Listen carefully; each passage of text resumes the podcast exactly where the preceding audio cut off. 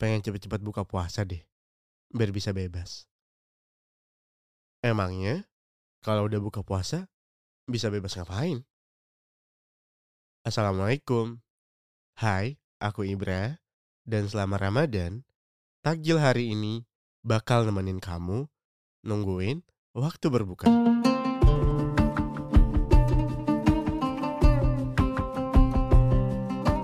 Gimana puasanya? Masih semangat kan?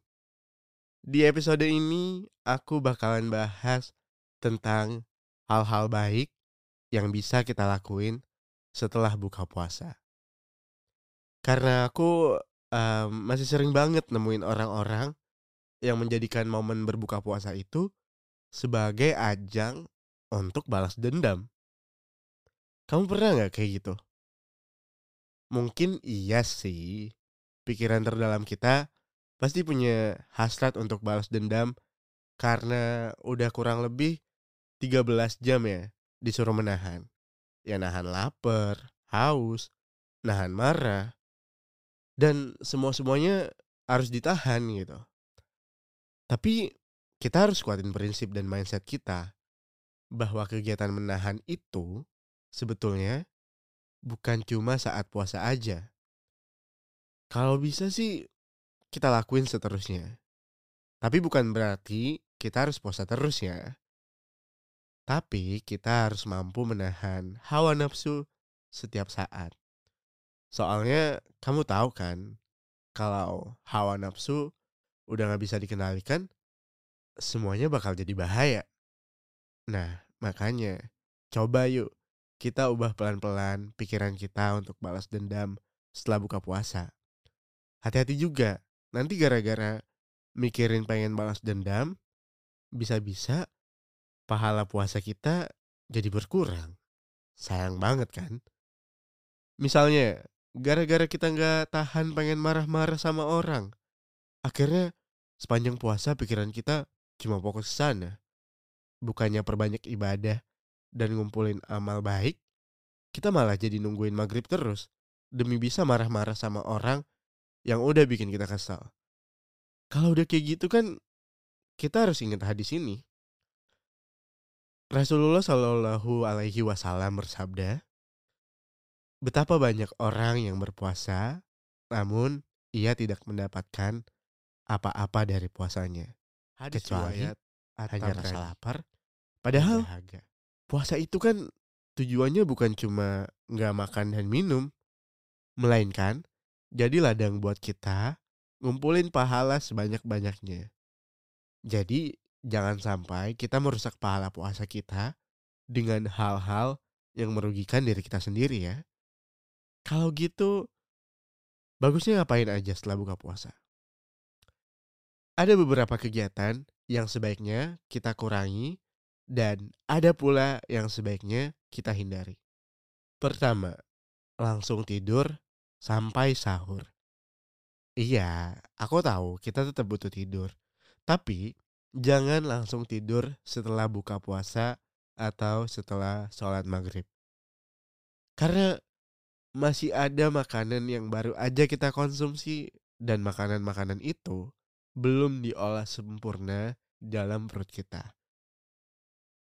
Buat kamu yang badannya takut melebar, tidur setelah buka puasa ini harus dihindari. Gak bagus buat kesehatan. Selain soal kesehatan, langsung tidur setelah buka puasa juga bikin kita nggak manfaatin waktu-waktu mustajab yang Allah kasih di bulan Ramadan.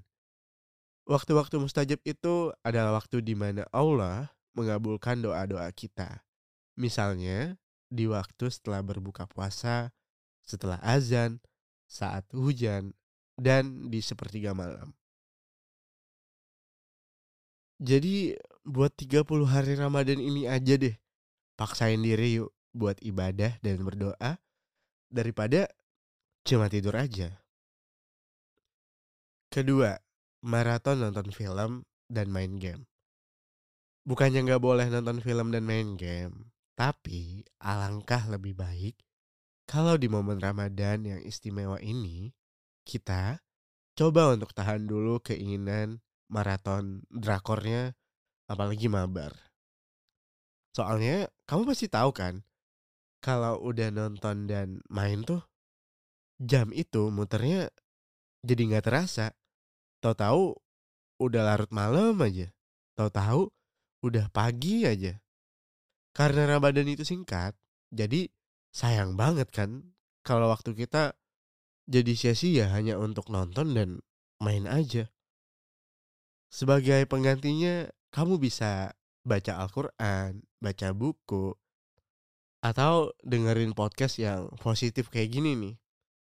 Atau nonton kajian di YouTube. Itu boleh banget. Ketiga, makan terus sampai sahur. Wah, kalau ini sih bener-bener balas dendam ya. Gara-gara nggak bisa makan selama 13 jam.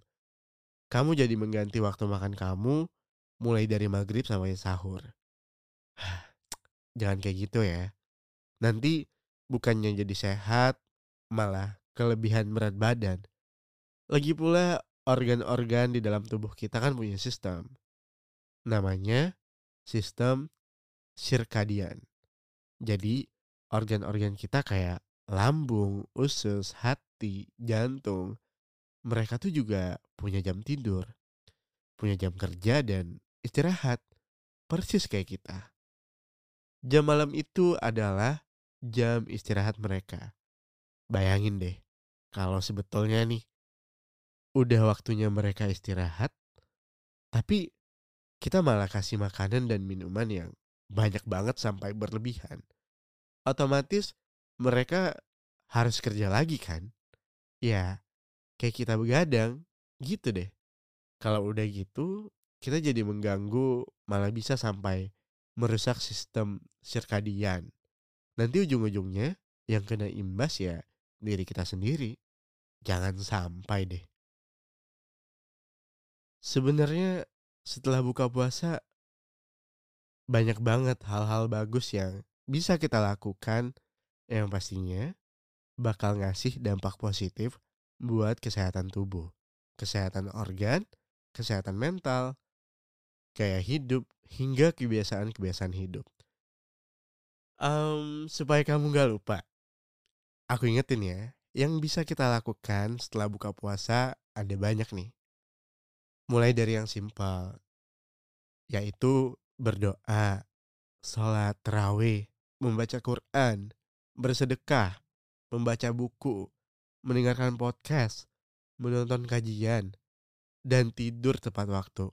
Lalu, bangun kembali di sepertiga malam untuk sholat tahajud, lanjut sahur deh.